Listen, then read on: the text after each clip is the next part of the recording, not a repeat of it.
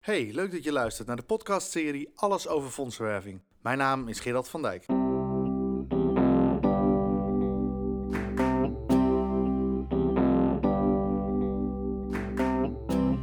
Je luistert naar een podcast van Krantio Fondsenwerving. Welkom bij weer een nieuwe aflevering van eh, de podcastserie Alles over fondsenwerving. Leuk dat je luistert. Ik krijg veel reacties van mensen die uh, luisteren naar deze podcastserie en dat, uh, dat doet me goed. Dus mocht jij ook een vraag of een reactie hebben naar het luisteren van deze aflevering, stuur ze gerust naar podcast.grantview.nl. In deze aflevering neem ik je mee in hoe je werkt met een strategy map, een strategiekaart in slecht Nederlands vertaald. Een strategy map bekt iets lekkerder.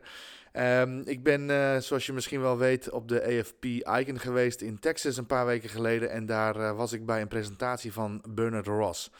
Hij is een Engelsman, heeft heel veel ervaring in fondsenwerving en strategieontwikkeling. Coacht organisaties over de hele wereld op dit gebied. En hij had een hele interessante presentatie over hoe je met een strategiekaart werkt. Ik heb een gesprek met Bernard gehad over hoe je met een uh, strategy map werkt. En dat uh, ga ik je straks laten horen. Ik ben er zelf erg enthousiast over en ik hoop, uh, ik hoop jij ook. En ik heb een mooie download voor je die je gaat helpen om focus aan te brengen binnen je organisatie. Maar eerst de vraag: waarom zou je gebruik willen maken van een strategy map? Wat brengt het voor jouw organisatie? Nou, ik wil het illustreren aan de hand van een voorbeeld. Wanneer bergbeklimmers de Mount Everest opgaan, dan begint dat met een plan ver voordat ze gaan. Dus uh, ze gaan nadenken over uh, hoe, groot, hoe lang is de tocht, uh, welke spullen heb ik nodig, welke periode in het jaar is het, is het meest geschikt om naar boven te gaan, ehm, zijn er gidsen beschikbaar, ze hebben spullen nodig om te kunnen overnachten, om te kunnen klimmen, om te eten, om te drinken. Um, dus het plan wordt al eigenlijk al ver voordat ze daadwerkelijk gaan gemaakt. En op basis van het plan kunnen ze eventueel ook uitwijken. Dus wanneer het weer tegen blijkt te zitten, of uh, mensen zijn niet beschikbaar, of het materiaal laat het afweten, dan kun je al nadenken over welke alternatieven hebben we wanneer het verandert. En eigenlijk begint het dus met de vraag, voordat je een strategy map maakt, zijn er eigenlijk drie vragen die je zou moeten beantwoorden. Welk doel willen we bereiken? In het geval van de bergbeklimmers is dat de top van de Mount Everest. Wat gebeurt er om ons heen? Dat zijn allerlei omstandigheden, vaak externe factoren. En welke invloed heeft dat op ons werk? Op het moment dat er een verschuiving plaatsvindt in het goede doelenlandschap over uh, waar mensen in geïnteresseerd zijn of waar hun aandacht naartoe gaat, dan heeft dat invloed op je werk. Dus in deze tijd is klimaat heeft een, uh, een sterkere positie gekregen in het nieuws. We hebben ook uh, de klimaatmarsen en de, en de protesten van verschillende mensen. die zeggen, hey overheid, zo gaan we onze klimaatdoelen niet halen en het is ook onze toekomst waar je het over hebt. Nou, op het moment dat jouw organisatie zich bezighoudt met natuur en milieu, dan zou dat best eens een enorme boost voor je organisatie kunnen zijn. Maar op het moment dat jij je bezighoudt bijvoorbeeld met welzijn van jongeren of ouderenzorg, ja, dan kan dat ook afleiden. Dus dan kan het zijn dat, er, dat het lastiger is om, om jouw onderwerp en jouw uh, aanpak uh, voor het voetlicht te brengen. Het is belangrijk dat je naar buiten kijkt en dat je dat uh, meeneemt in je overwegingen wanneer je je strategiekaart maakt. Ik ben zelf een, uh, een, liefhebber van zeilen. En ook bij zeilen uh, plan je je koers. Dus je prikt een punt op de, op de wal of, of op de kaart waar je, waar je uit wil komen. Je maakt een inschatting van hoe je daar ongeveer kunt komen. En dat, dat kun je eigenlijk pas maken op de dag zelf. Op het moment zelf. Uh, hoe de wind waait, hoe sterk de wind waait en uit welke hoek. wat het overige verkeer doet, wat de golfslag doet. Uh, dat zijn allemaal factoren die je op het moment zelf pas kunt uh, bepalen. Maar wanneer je voorbereid bent, kun je daar rekening mee houden en kun je dus je, je route omgooien. Op het moment dat je niet weet of dat je, je schip en je zeilen en je bemanning uh, in staat is om bijvoorbeeld met windkracht 7 of 8 te zeilen, ja, dan ben je dus eigenlijk te laat en dan, dan is de grote kans dat je je doel niet gaat halen. Dus een strategy map is geen, is geen doel op zich. Het is een middel om focus te houden op je doelstelling. Het is een middel om uh, de belangrijke elementen in jouw reis naar de toekomst uh, onder, uh, onder de aandacht te houden en met elkaar daar steeds naar te kijken. Dus het beste wat je zou kunnen doen, je kunt hem ook gratis downloaden vanaf de website grantview.nl, is op 1 A4 de samenvatting van je strategie weergeven en die ophangen in je organisatie. Kan ook een A3 zijn of een A0 als je dat prettiger vindt. Maar het doel is dat je in één oogopslag zeg maar helder hebt wat je wil bereiken en welke uh, interne en externe factoren daarvoor belangrijk zijn. En op het moment dat je dat doet, op het moment dat je het uitwerkt, uh, het, model is simpel, maar het, het, uh, het uitwerken daarvan is, kan best wel ingewikkeld zijn. Of kost tijd, laat ik het zo zeggen. Op het moment dat je dat doet en je werkt hem uit en je hangt hem in je organisatie, dan helpt het je om steeds in gedachten de top van de Mount Everest voor ogen te hebben. Die zie je misschien nog niet vanaf beneden, maar het is wel het beeld waar je naartoe wil. En op het moment dat er allerlei factoren voorbij komen, allerlei dingen die uh, op je pad komen en die zullen gaan komen, dan zijn dat vaak grote afleiders. En afleiders zorgen ervoor dat je je doel niet haalt. En zeker binnen de goede doelensector hebben we de neiging om uh, elke kans die op ons pad komt, uh, die willen we eigenlijk verzilveren. Dat is natuurlijk een, aan de ene kant een goede houding, dat we heel graag dat willen realiseren. Maar tegelijkertijd is het ook, bedreigt het ons in het, in het halen van ons eindresultaat. Dus zorg ervoor dat je focus hebt. Dat je heel goed weet waar je wil staan over drie jaar, waarom dat belangrijk is en hoe je dat gaat doen. En wat je daarvoor nodig hebt. En dan kun je denken aan uh, menskracht, zowel uh, betaald als vrijwillig. Uh, dan kun je denken aan, aan materialen. Misschien heb je heel concreet spullen nodig. Je kunt denken aan kennis en expertise. Mensen die weten hoe je bepaald iets moet doen. Stel je voor dat social media een heel belangrijk element in jouw strategie is voor de komende drie jaar, maar je hebt geen uh, of onvoldoende kennis daarvan in huis. Nou, dan ga je op zoek naar iemand die daar heel bedreven in is. Netwerk. Het kan best zijn dat je iemand tegenkomt die zegt: Nou, ik kan je niet helpen met een concrete gift, maar ik ken een aantal mensen en daar zou ik je kunnen introduceren. Nou, kan misschien nog wel veel waardevoller zijn dan dat iemand zijn portemonnee trekt en je een paar euro geeft. Dus denk breed in alles wat je nodig hebt om daar te komen waar je wil zijn. En wees trouw aan jezelf. Wees trouw aan de doelen die je wilt bereiken. Hou de focus erop. En ik zou haast zeggen, uh, wanneer je je strategie omgooit ergens onderweg, dat kan. Maar dat eigenlijk zou ik zeggen, doe het alleen wanneer je bereid bent om uh, een aantal andere doelstellingen daarvoor op te offeren. Maak niet de denkfout, ik doe het er wel even bij. Dat zie ik veel gebeuren. En waardoor mensen overbelast raken en waardoor de efficiëntie ver onderuit gaat en ze helemaal niks meer bereiken. Dus als je uh, uh, naar een andere top wil, dus het is niet de Mount Everest, maar het is een berg ernaast, uh, laat dan ook de Mount Everest los. Want anders dan, als je denkt ik doe het allebei, dat gaat nooit lukken. Via de website grantview.nl kun je een, een voorbeeld downloaden, een blanco voorbeeld die je kunt invullen voor jouw organisatie. En dat zijn interne, externe factoren en middelen die je nodig hebt om, om je doel te bereiken. En ik zou, hem, ik zou je strategie, drie jaar is al best een, heel, een hele tijd. Als we nu drie jaar terugkijken, dan zien we dat er ontzettend veel gebeurd is. Um, maar ik zou hem wel voor, voor een wat langere periode maken, ook al kunnen we niet in de toekomst kijken. Het helpt je wel om even over de schaduw van vandaag en morgen heen te springen. Want als je dat niet doet, dan, dan loop je het risico dat je gaat denken in, in termen van belemmeringen of van de actualiteit. Terwijl over een maand of over een half jaar is dat misschien weer heel anders. Dus denk in een periode van drie jaar. En als je ergens onderweg zegt, ja, onze, onze strategy map is echt niet meer actueel, want er zijn zoveel, er hebben veranderingen opgetreden. Nou, prima, maak hem dan gewoon weer opnieuw. En dat kan best over anderhalf of over twee jaar. Nu wil ik graag uh, Bernard Ros uh, introduceren bij jullie. Bernard heeft verschillende boeken geschreven. Global Fundraising, Breakthrough Thinking for Non-Profits, The Influential Fundraiser, Change for Good en The Strategy Workout. Je kunt deze boeken ook vinden op uh, Amazon of bol.com. Um, heel interessant als je wat meer uh, inzichten wilt ontdekken over fondsenwerving. En Bernard is een, een hoog gewaardeerde spreker op allerlei internationale evenementen over de hele wereld. Hij is directeur van The Management Center, een Brits consultancybureau. zij doen heel veel in fondsenwerving voor verschillende organisaties zoals UNICEF, het Rode Kruis, Greenpeace, Amnesty, ActionAid, Oxfam, Doctors Without Borders. Hij heeft het daar ook over als hij het over MSF heeft. Dat is Medicine Sans Frontières in het Frans. Bernard is ook uh, directeur van de National Arts Fundraising School, al voor vele jaren. En zij bieden een uh, intensief trainingsprogramma aan voor fondsenwervers in de kunst- en cultuursector. En vandaag is hij bij ons. Ik spreek met Bernard via Skype, dus de kwaliteit van de audio is helaas niet al te goed. Maar de inhoud van wat hij heeft te vertellen wil ik je niet onthouden. Aan het begin van ons gesprek wijden we een beetje uit over fondsenwerving. Maar je zult verderop merken dat het wel degelijk te maken heeft met het gebruik van een strategy map. We gaan luisteren naar uh, Bernard Ross. Welcome Bernard. Welcome to you, Joe, and nice to speak to you. Thank you. Thank you so much for making time for our Dutch listeners to hear from you. Uh, Bernard, we met at the AFP Icon in uh, San Antonio a few weeks ago, and you were speaker there for three different different sessions. I joined two of them, and they were both very interesting. One was about the power of the strategy maps to transform fundraising, and the other one I joined was about neuroscience, behavioral economics, and fundraising. To start with the first subject, is it needed to transform fundraising? I think sadly it is, Gerald. I mean, I, I think if you look at the data, giving in the US, giving in the UK, I think giving in Holland is by and large flat.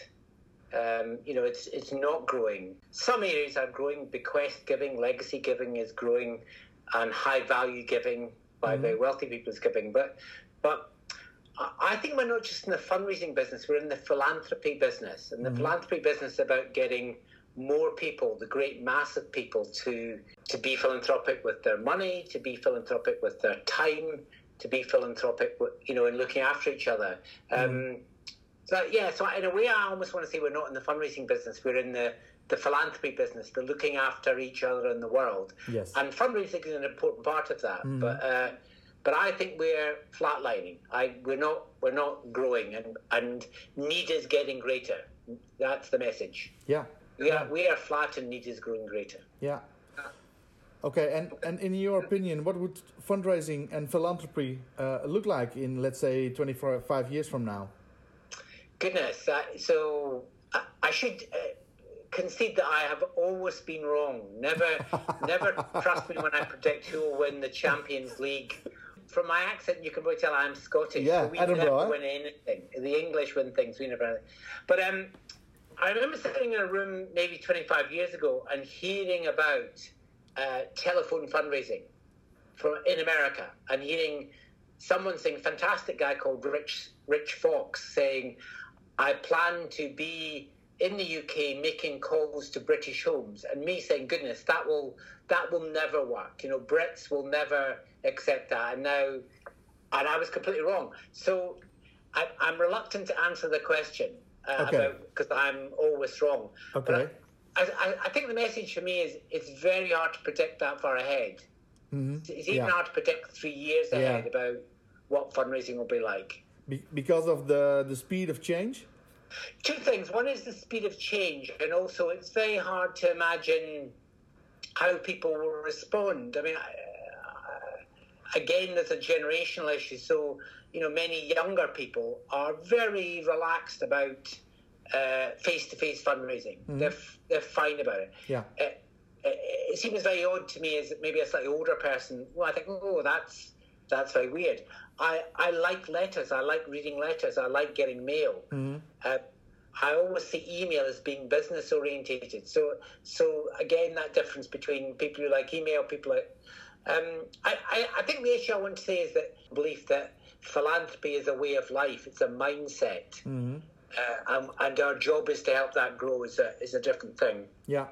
yeah. So maybe let me rephrase the question a little bit. If if you're looking, let's say, ten years back, mm-hmm. what are the, the major changes that you see in in philanthropy and, and fundraising? Okay, well that's that that's a much easier question. It's always easier with hindsight. The the two big th- the three big things I would say. One is the uh, the growth in high net worth giving. So t- ten years ago, when we think about the big financial crash, Lehman Brothers and all that, it looked like capitalism was failing. Yeah. Some of us hoped that capitalism was failing. In fact, what's happened is that capitalism has massively succeeded in the sense of there is enormous wealth. You know, there is a greater than ever disparity of wealth and some, some of those very wealthy people, Bill Gates, uh, maybe Ted Turner, Larry Ellison, some of those well-known names are doing lots of really good philanthropy with their money. So that there's much, much more high net worth philanthropy around. People, people able to do transformational things. Look, look at what happened in um, in France with uh, Sacre Coeur. Uh, no, Notre, Notre Dame. Dame. Yeah. Um, you know, most of that money is not small gifts. It's 200 million euros. Yes. So there are people capable of doing that, and that's made a huge difference. Yeah. So one thing.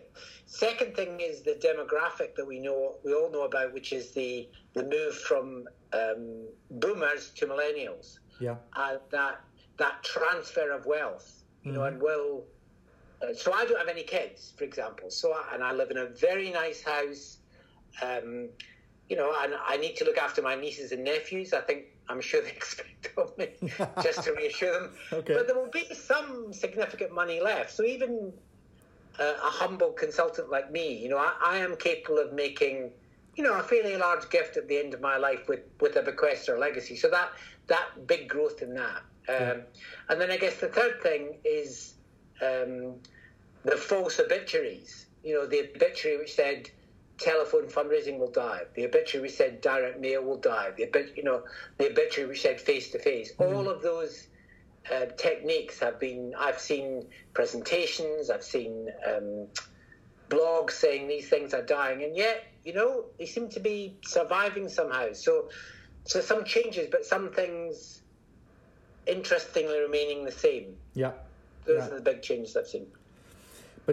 I hear you say uh, it's important to, to transform our uh, philanthropy because the world around us is changing. Um, why can transformation be so difficult, especially for non-profit organizations? Oh, Gerald, I, I think I, I, I hate to say this. It feels very um, disloyal, but I think you know we are a terribly conservative bunch. You know, um, uh, you know the big INGOs, more even than the smaller charities, are super conservative, super reluctant to take risks. They, mm-hmm. you know, you may have heard me say this in a conference before. You know, I get not all the time, but not infrequently. Someone will call me and say, Bernard, we want to do a transformational breakthrough piece of work. And I say, absolutely, I'm your man. Hire me now. and then, then usually the CEO comes back to me and says, Bernard, can you tell me somewhere else where you've done this breakthrough transformational innovation?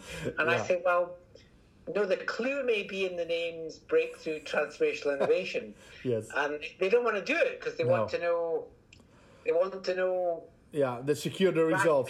yeah, I hate the phrase. Yes. Mm. I hate. You probably heard me say this. I hate the phrase "best best practice" because to me that means what used to work. Yeah, copy uh, other successful campaigns from others. Uh, and yeah. and um, you know we are very. The phrase "Me Too" some means something different now, but "Me Too" in the sense there's a lot of copy. Yeah. You, know, you do what someone else did, and that that's not really innovative. We need to be more imaginative, more Yeah. innovative to to make that change. Yeah, and do you have an explanation why uh, many non-profits and NGOs are so conservative? I don't know that I do. Um, some of it surely must be to do with uh, this is precious donor money. I mean, so we are very properly we have a, and I feel that very strongly when I when I say to someone, "Oh yeah, I have this brilliant breakthrough idea," blah blah blah. Um, you know, I, I almost have to say to people, "Well, you know, can you can you live with trying this experiment and it not working?" Um, and the answer, is, if the answer is no, then don't do it. Or can your donors live with that? Yeah, Uh, yeah. But again, if you ask me for a trend, I would say that uh, again, among those high net worth donors, many of them recognizing that uh, they have to take risks because it's their money. I mean, the advantage of you being a single donor giving someone 5 million, 10 million, 20 million euros is it's your money. So if it goes well, you can claim all the credit. If it goes badly, you take the rap. Yeah, So in some ways, the that major donor business has fueled some some innovation. yeah. Do we have to um, focus more on this subject, more discuss this subject about risk in uh, uh, development, new breakthrough campaigns, and all kinds of uh, activities that will uh, uh, increase our fundraising and, and philanthropy? Yeah, I I, and people are having that conversation. I, I, I think sometimes it's a misguided. I, I've, I spent a lot of time in recent recent months with some very big agencies.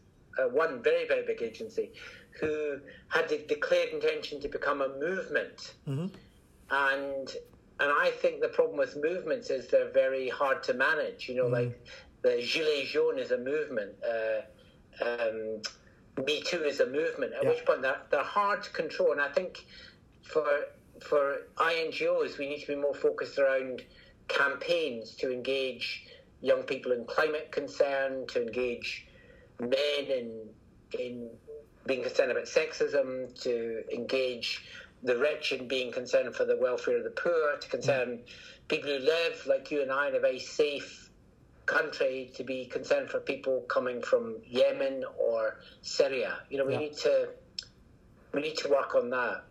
So we're not really. uh, Sorry, I'm wandering slightly off the subject of fundraising, but I, I, I, I think the two things are connected, and if we focus too much on the money, Yeah.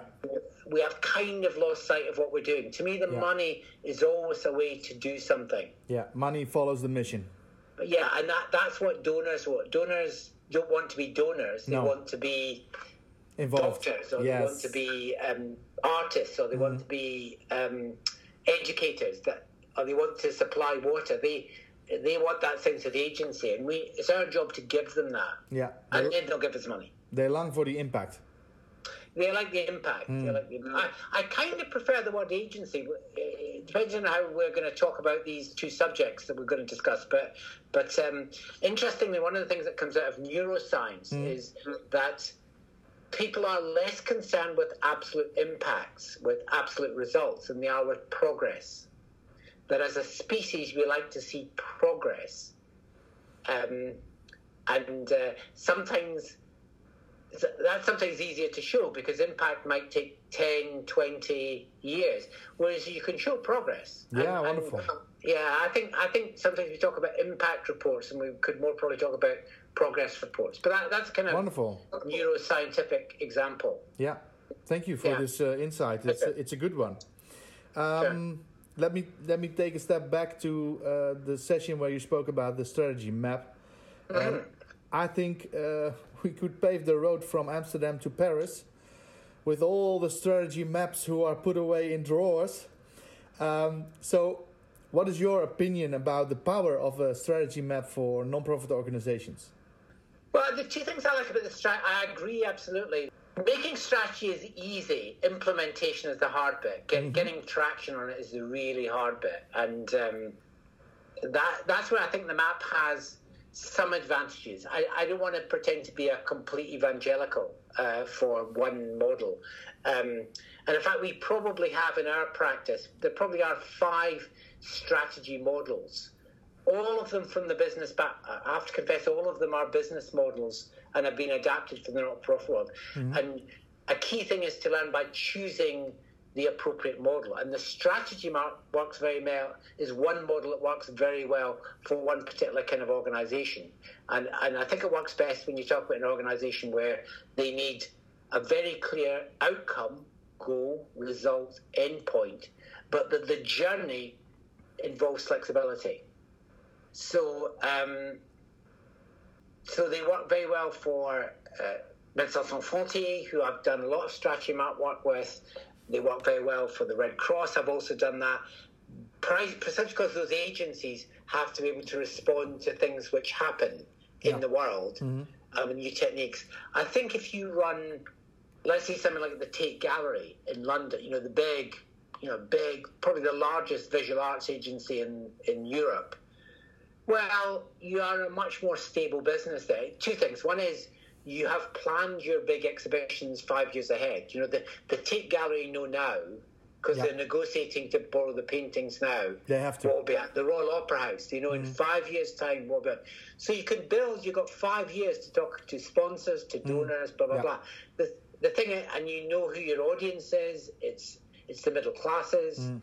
It's um, So it's very well, plannable. yeah, but you know, you may you may have a process to include other people, but essentially you're you're much more systemic. Whereas uh, things are changing. Um, even if you think about in in in um, for the Red Cross, for example, the move from I don't know how many of your listeners there's been a huge move away from delivering aid supplies, you know, filling a plane or a boat or a train or a truck with stuff and taking it to somewhere versus now using cash payments is the big issue. So, you know, make, giving people money locally to Yeah. buy food or whatever based on their needs. Okay. Um, so that's that's a change they've had to make in their operation. It also involves a change in the way they raise money because donors have to know that donors have to feel comfortable with giving out cash. Yeah, yeah. So that's a major change, and in, if I'm hearing you correctly, uh, strategy map could empower that process. Yeah, well, it's like uh, the example I always give is, uh, is to say the map is not the territory. You know, if you come to London, I'm sure many of your, your listeners come to London, and you know where you want to get on the tube. You know you want to get to the top of to um, Earl's Court, or you want to get to Tower somewhere in North London. You can see there are different ways to do it, and sometimes you see delay on the Northern Line or delay on the, the Victoria. So you need to be able to move. You know where you want to get to, but there are different ways to get there.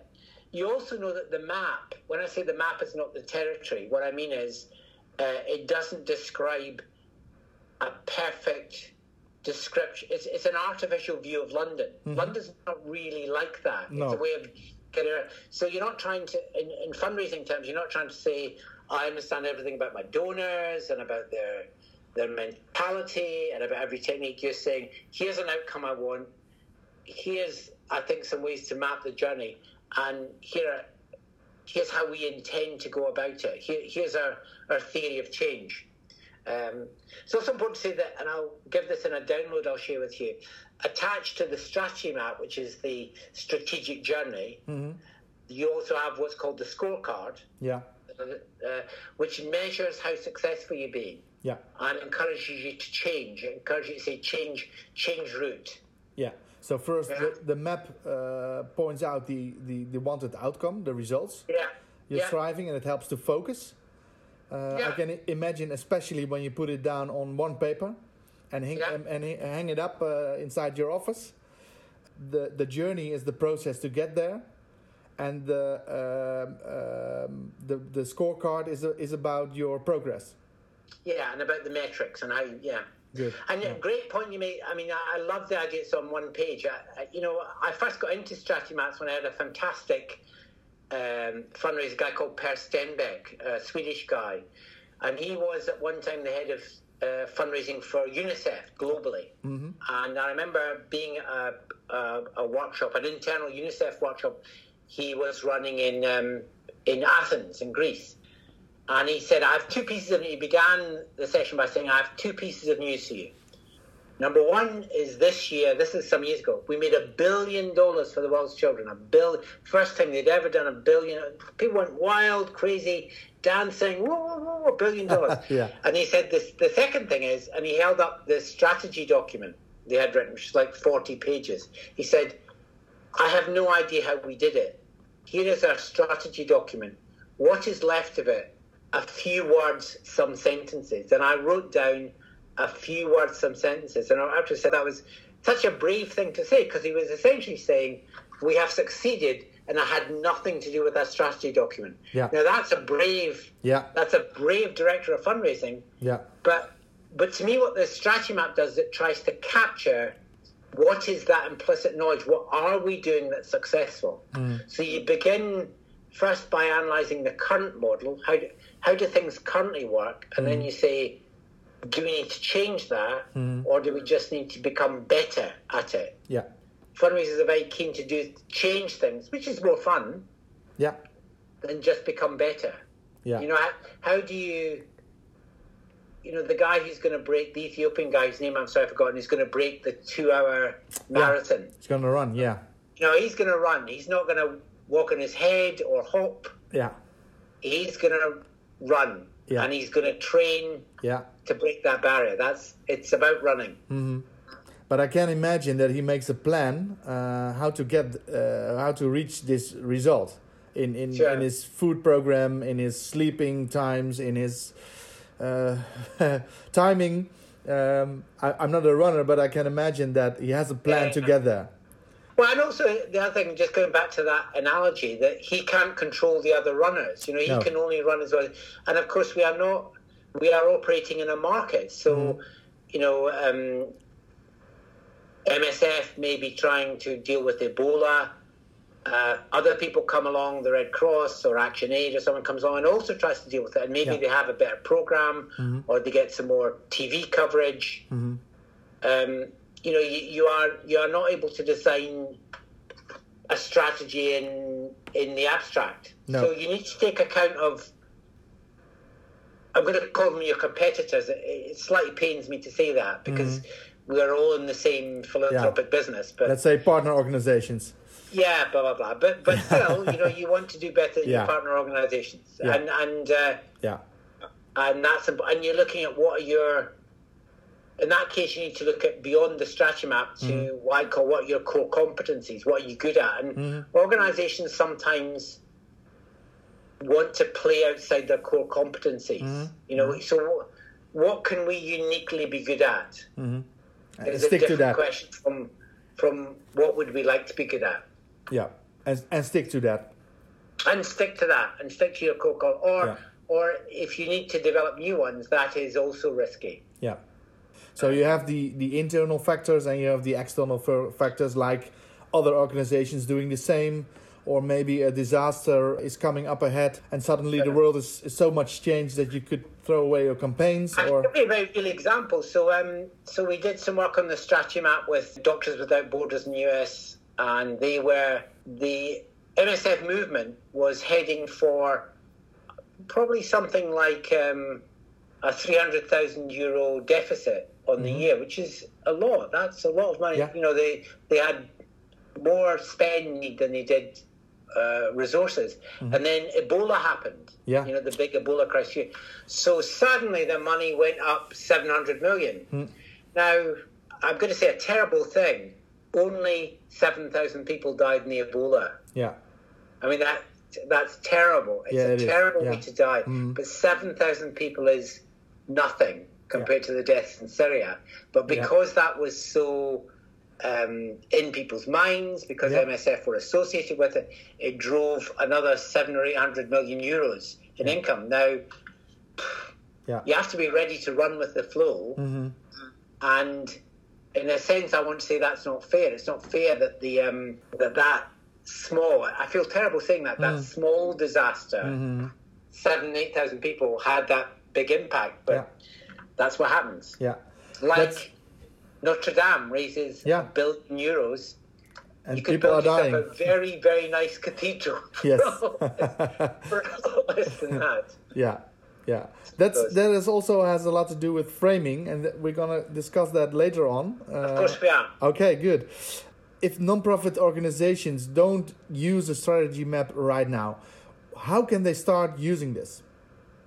Well, I, I think uh, there are a lot of great books about it. Um, uh, the two guys who came up with the original thinking um, have written several books. I've writ- I don't know if I've mentioned I've written a book about it, Yeah, I think I which I think mentioned. mentioned. sorry, I think I mentioned. I think I Uh, mentioned and I'm going to give intro. you, as a special gift to your listeners, I'm going to send you a, uh, I think it's 20 pages download, which uh, does a step by step how to get into strategy maps and gives examples. So that there's a gift for your listeners. If they've if Wonderful. they've listened as far as this, then they deserve deserve a gift. But it's not it's not. Um, you've seen some of the presentation, Giles. You know, it's not it's not complicated, but it's not easy. It's Yes. simple, but it's not yeah, easy. the model is, uh, is simplified, but you have to understand it to use it right and to yeah, benefit exactly from right. it. Yeah. Exactly right. So that so that would but uh, but uh, anyone can make one. Always a good idea to hire a consultant, a very economical solution. But if you can't do that, you, it's it's a bit like IKEA. You know, you can if you need to buy your furniture from IKEA, you can probably make it. It won't it won't sit exactly right, but you can do it. You will work Whereas it if you hire a if you hire someone, they can probably make you a nice cupboard or a nice cabinet. There you Yeah, go. yeah, It's yeah. the IKEA approach to fundraising. Okay, th- thank you so much for um, providing a free download for our listeners. It's uh, highly appreciated. Pleasure. Um, if you could uh, point out one uh, or two uh, important things in working with a strategy map, what would you point out right now? Okay, I think the, the two biggest things are one is uh, to be very disciplined about the logic, the the the, the strategy map, and your your listeners will hear this when they will see this when they see the map. Is it works on the how logic? How will we achieve our vision? But through our mission, how will we achieve our mission through some key goals? Uh, and then you have to answer four questions in sequence. Question one is. Um, who are our stakeholders or our donors and what do we need to do for them? Second question is what competencies do we need to have to deliver for those people? Third question is what kind of people do we need to work here or to be volunteers here. And then the fourth question is what resources do we need? And then you need to answer the questions going up the way saying, why do we need those resources? To be able to give people the resources to do the work they want to do. Mm-hmm. Why do we need those people? Because we need to deliver the following competencies. Why do we need that in order to deliver for our donors and supporters? So there's a there's, there's a, a real I don't want to say an an intellectual discipline. You know, it needs to be robust, and you need to be prepared to be challenged. Which is another good reason to hire a consultant because a consultant should challenge you. well, we need to be careful about the mindset, don't we? Yeah. The the internal dialogue that organisations have. Yes, yes. Well, um, I would like to thank you so much uh, so far for sharing these insights on uh, on working with the strategy map, uh, Bernard. Good, thank you. Ja, en dat was het gesprek met Bernard Ross wat ik had over het gebruik van een strategy map. Ik hoop dat je zijn uh, onderkoelde Britse humor kan waarderen, waarin hij een paar keer zegt van dat het vooral belangrijk is om een consultant in te huren. Dat is hij namelijk zelf. Maar vat dat op met een knipoog, want eh, Bernard is iemand die heel veel kennis en ervaringen deelt. Uiteraard ook via zijn eigen bedrijf, maar zeker ook uh, in de dingen die hij weggeeft. En een van de dingen die ik samen eigenlijk met hem mag weggeven is de Strategy Map. Ga naar de website www.grantiu.nl en daar vind je hem. Je kunt hem daar invullen naar uh, jouw organisatie. En uh, mocht je er vragen over hebben, neem dan gerust even contact met me op. Voor nu wil ik je bedanken voor het luisteren naar deze podcast. Het was een lange aflevering deze keer, maar ik hoop dat je het de moeite waard vond. Graag tot de volgende keer. Heb je vragen? Stuur je mail naar podcast.grantioe.nl